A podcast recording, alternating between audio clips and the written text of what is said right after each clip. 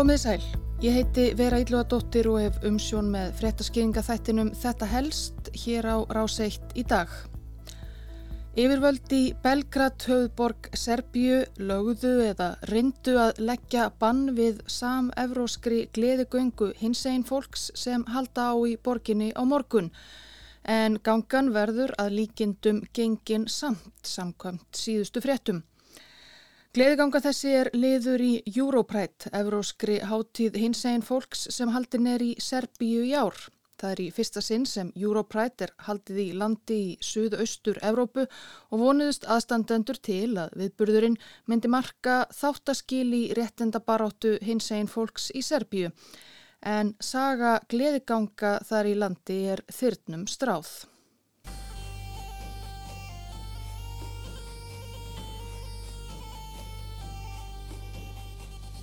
Europride er árlegur sam-evróskur viðburður til engaður réttindabaráttu og sínileika hins einn fólks í álfunni, skipulaður af samtökum hins einn daga samtaka í Evrópu, European Pride Organizers Association.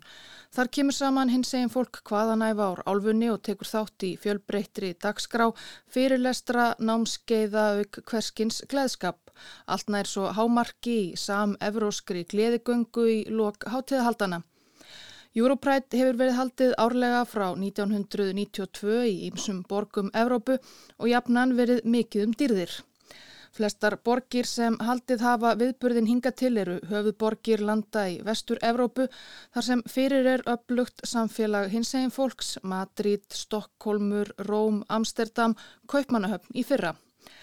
En það er þó ekki algilt. Europride var haldið í Varsjá í Pólandi, landi með afar vafasöma sögu þegar kemur að réttindum hins eginn fólks árið 2010 og ríka höfuborg Lettlands 2015.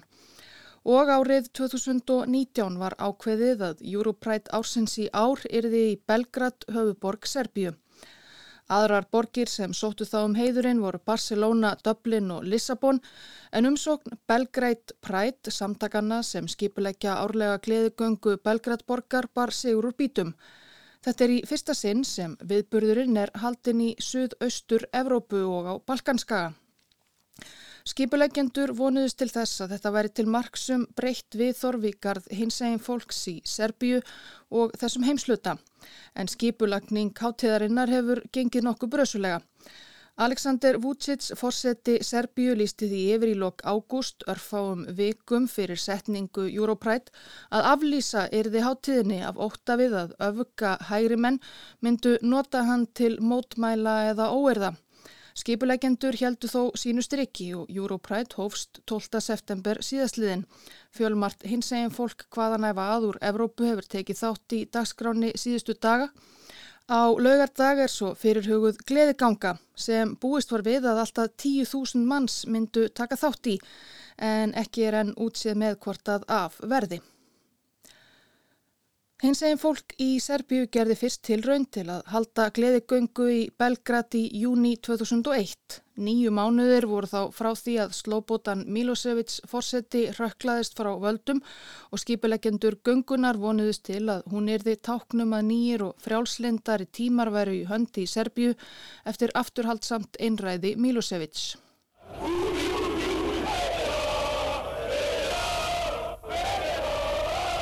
Það gekk ekki eftir. Á fréttamyndum frá þessum degi má sjá mikinn fjölda ungra manna ganga um götur Belgrad og hrópa slagorðum að lemja á drepa homma. Fóboltabullur, stærstu fóboltaliða Belgrad, áhengjendur Red Star Belgrad, Partizan og fleiri stórliða, jafnan svarnir ofinir, tóku höndum saman og réðust á gungufólk á samt ungliðum öfga hægri hrefinga. Til allsherjar átaka kom í borginni og bullurnar réðust jamt gegn hins einn fólki og lauruglumönnum sem reyndu að stilla til fríðar. Meira en 40 þáttakendur í gungunni slösuðust að sögn skipuleikenda. Samtök hins einn fólks í Serbíu gerðu aðra tilraun til að halda gleðigöngu árið 2004. Gangan var marga mánuði í undirbúningi en fekk að lokum ekki leifi yfirvalda af öryggis ástæðum og allt var slegið af.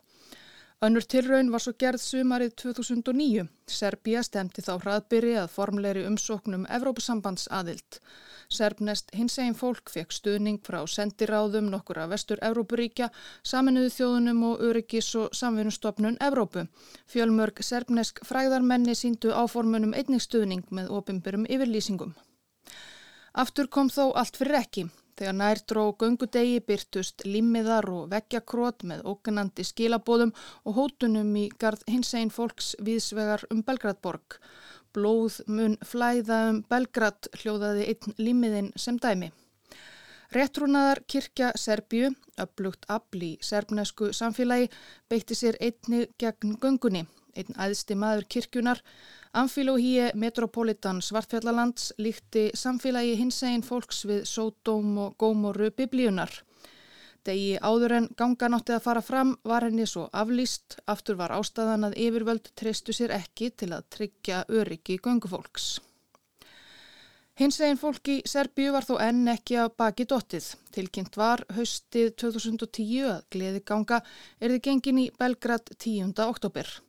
Aftur kom flóð ógnandi yfirlýsinga í garðgöngunar frá ymsum auðvöka, hægri og kristilegum fylkingum en sumulegis stuðningsyfirlýsingar meðal annars frá þáverandi fórseta Serbíu jafnaðamanninum Boris Tadic. Serbíu hafði sótt formlega um Evrópusambands aðild í áslokk 2009 og var stjórnvöldum því bringt að sína fram á að þar í landi væru evrósk frjálslind gildi við líði.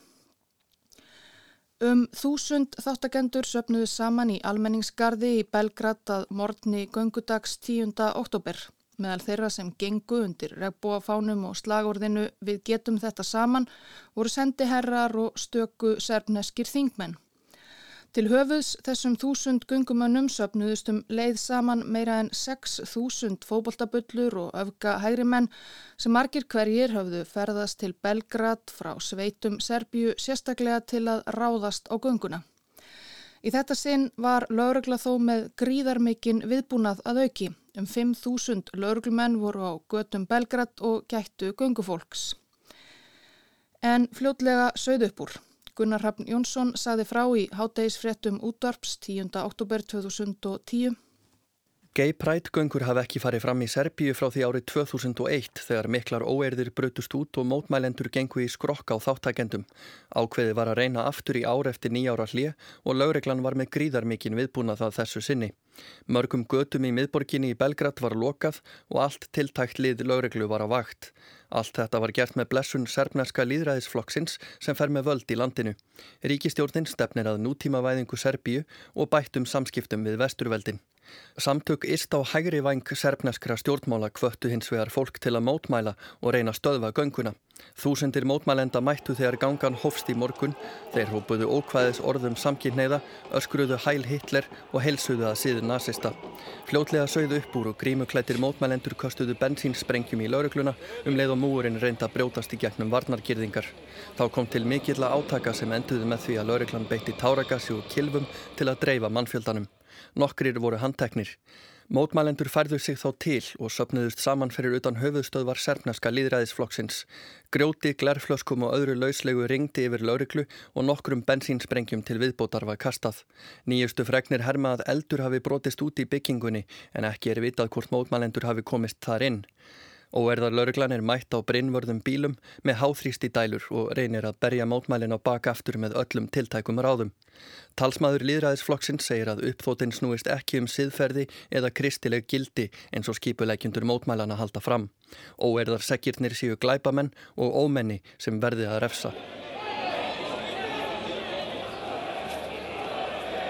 Þetta voru róstusamir dagar í Serbíu almennt og þremur dögum eftir gleðigönguna sem varðað vígvelli fór allt í bál og brandi í tengslum við landsleik Serba og Ítala í Genua og Ítalju. Aftur voru serbneskar boltabullur að verki. Jón Guðni Kristinsson saði frá í speiklinum 13. oktober 2010.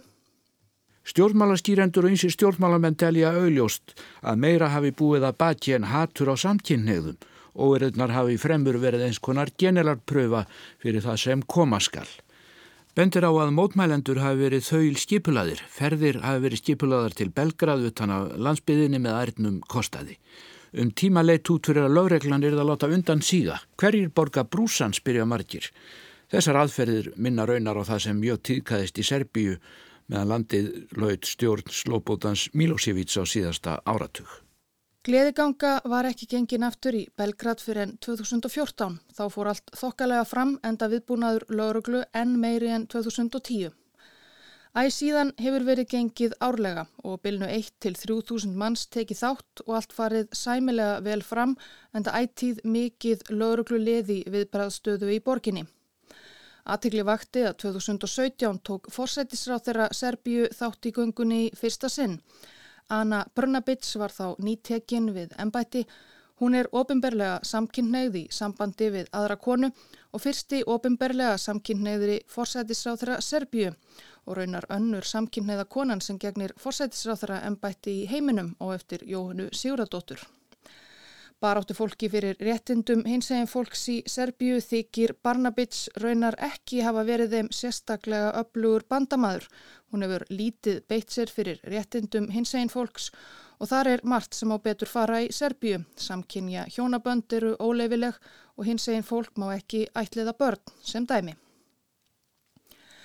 Europrætt í ár hefur sett af stað öldu mótmæla gegn hins eginn fólki í Serbíu. Á fyrsta degi hátíðarinnar, 12. september, gengu kristnir serbarum götur höfuborgarinnar, svartklættir klerkar fremstir í flokki og mótmælendur í mist með íkon á lofti eða myndir af Vladimir Putin rúslandsforsetta.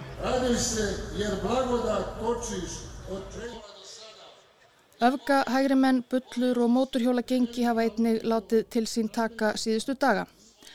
Hanna Katrín Fridriksson, þingmaður viðreistnar, er í Belgrad í hópi alþjóðlegra gesta Europride og rætti við morgunútvarp Rásar 2 í morgun.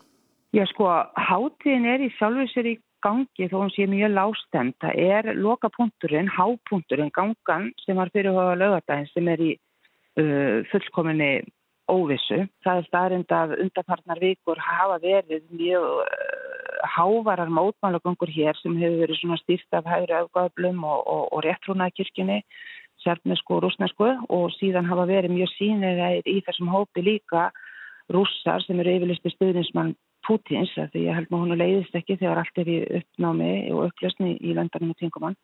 Hanna Katrín sagði sérstakt að koma til Belgrad sem hins einn manneskja.